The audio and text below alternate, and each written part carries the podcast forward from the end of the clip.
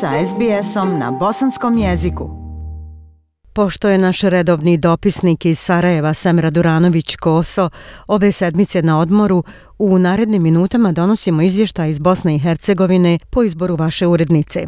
Pažnja bosansko-hercegovačke javnosti Protekle sedmice najviše je pripala samitu Evropska unija Zapadni Balkan, koji je bio poražavajući za Bosnu i Hercegovinu, ali po mnogima bio je i očekivan, jer Bosna i Hercegovina nije ispunila ni jedan od 14 uslova za kandidaturu članice Evropske unije. Kako izvještava Bosansko-Hercegovačka radiotelevizija, bio je to evropski šamar za Bosnu i Hercegovinu i kako poručuju evropski zvaničnici, zahvaljujući političarima koji zemlju i građane duže vrijeme drže u blokadi. Oni se samo deklarativno zalažu za evropski put, a rezultati izostaju. Tako je bilo i sa evropskim zakonima. Iz Direkcije za evropske integracije bili su jasni. Bosna i Hercegovina napravila je određene korake, ali i dalje većina suštinskih pitanja čeka na realizaciju. Predsjednik Evropskog vijeća vijeća Charles Michel rekao je da je Evropsko vijeće spremno Bosni i Hercegovini dati kandidatski status, ali ona prethodno mora provesti reforme u oblasti pravosuđa, borbe protiv korupcije kao i ustavnu i izbornu reformu. Bosansko-hercegovački političari uglavnom su se oglašavali sa opštenjima u kojima su jedni drugi optuživali za neuspjeh.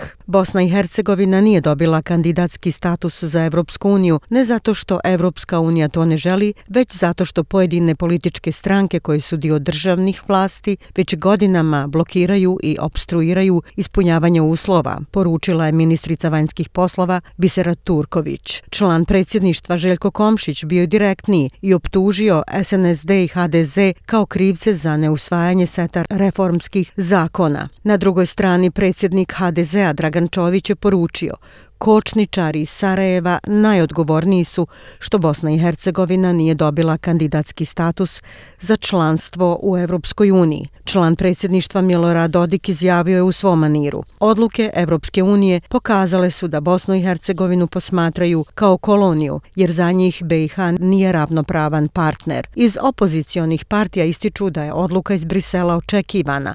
Dodjeljivanje kandidatskog statusa bila bi nagrada za sve one koji su za zaustavljali reformski put, kažu u SDP-u, a iz SBB-a kažu Odluka Evropske unije crveni karton za Dodika, Izetbegovića i Čovića, ali i žuti karton biračima u našoj zemlji. Za Bosnu i Hercegovinu nije sve završeno, iako je samit Evropska unija Zapadni Balkan protumačen kao fijasko. Sve zavisi od BH političara i njihove spremnosti da urade nešto u ispunjavanju 14 prioriteta, a u skladu s političkim dogovorom koji su postigli na zajedničkom sastanku sa predsjednikom Evropskog savjeta Šarlom Mišelom u Briselu.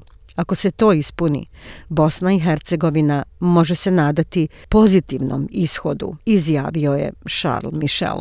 Danas će se upriličiti završnica manifestacije 512. dani Ajvatovice. Jučer je iz Karaule, nedaleko od Turbeta u centralnom dijelu Bosne i Hercegovine, krenulo 110 konjanika, koji će nakon prolaska kroz Donji Vakuf nastaviti put ka Pruscu i gdje će danas biti održan centralni dio manifestacije. Veliki broj vjernika iz cijelog svijeta pristigao je u Međugorje, u Hercegovini na obilježavanje 41-godišnjice od gospinog ukazanja, a muslimanski hodočasnici iz Bosne i Hercegovine koji ove godine obavljaju hađ već su otputovali trenutno se nalaze u Medini i svi se osjećaju dobro.